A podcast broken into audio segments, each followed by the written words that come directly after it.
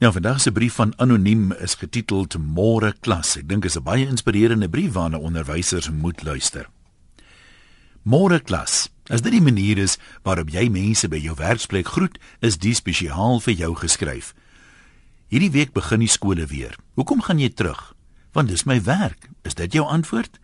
Jy is 'n juffrou of meneer wat ander mense se stout kinders of tieners deur nog 'n jaar moet help met baie moeite en min waardering.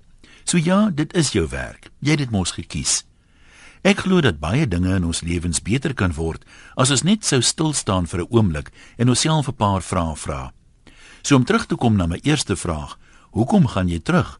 Of eerder, hoekom het jy onderwys gekies? Wat het jou gemotiveer om onderwyser te word?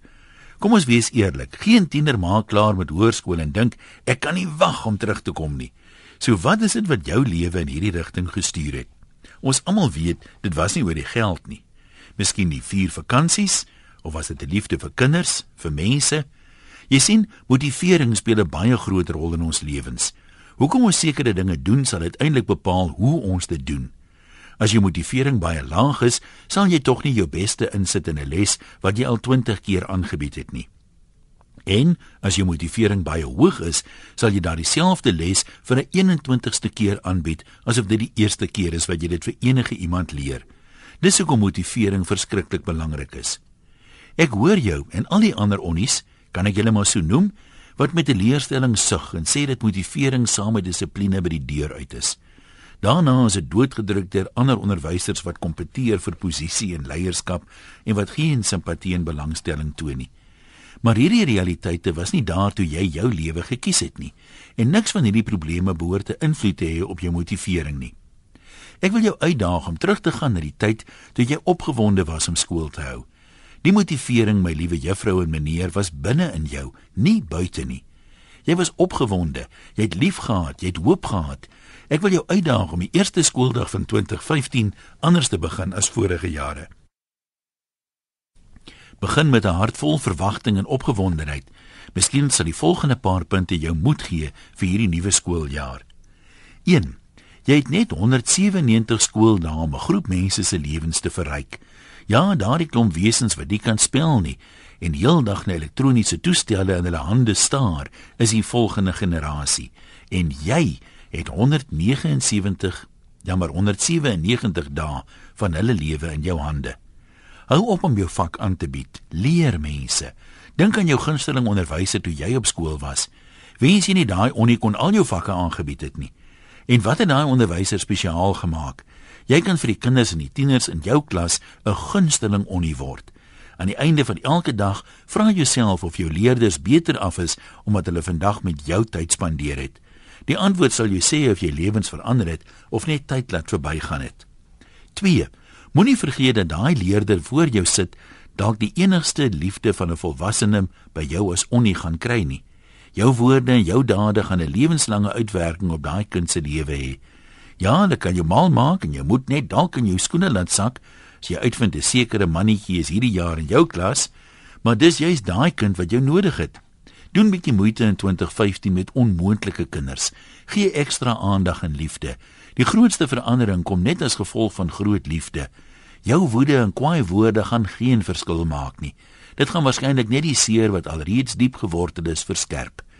Jy kan nie kwaai onie wees vir wie almal bang is of jy kan nie onie wees wat lewens verander.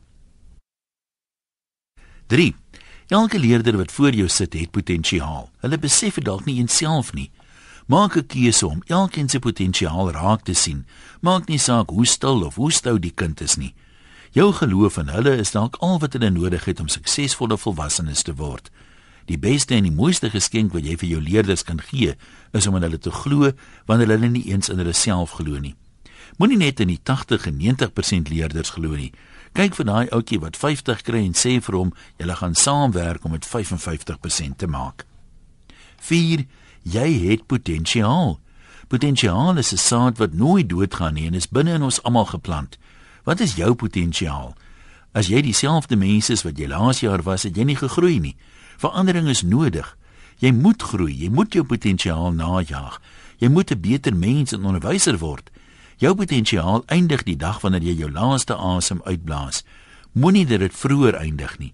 Gee jou alles vir jou man of jou vrou, vir jou eie kinders, vir jou leerders, vir jou kollegas, jou hoof, vir jouself. Moet niks terughou nie. Leef ten volle. 5 en dan laastens, hou passie lewendig in jou hart. Ek ontmoet onderwysers op 'n daaglikse basis wie se passievlam lankal geblus is. Ek besef dat daar baie redes is, maar passie is 'n hartsaak. Wanneer jy passie het vir wat jy doen, het jy nie motivering nodig nie. Jou passie motiveer jou. Steek weer daai vuurtjie aan die brand en raak opgewonde oor die invloed wat jy op mense se lewens kan hê. Jy is so nodig in ons samelewing. Ons het jou nodig. Die wêreld het jou nodig. Ek wil graag eindig met ietsie oor myself. Ek het jare terug 'n woord gekies wat ek dink my as mens 100% beskryf. Sonder om vir iemand daarvan te vertel, het ek toe van my man, my ma en vir 'n vriendin ook gevra om vir my 'n woord te kies.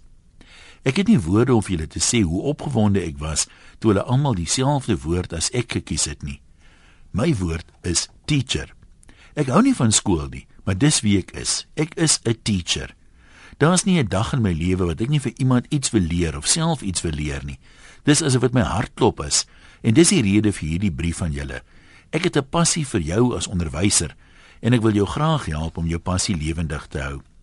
Teenoor die muur in my studeerkamer reg oor my lesenaar staan geskryf: I was born to serve specific people. I've got to find them.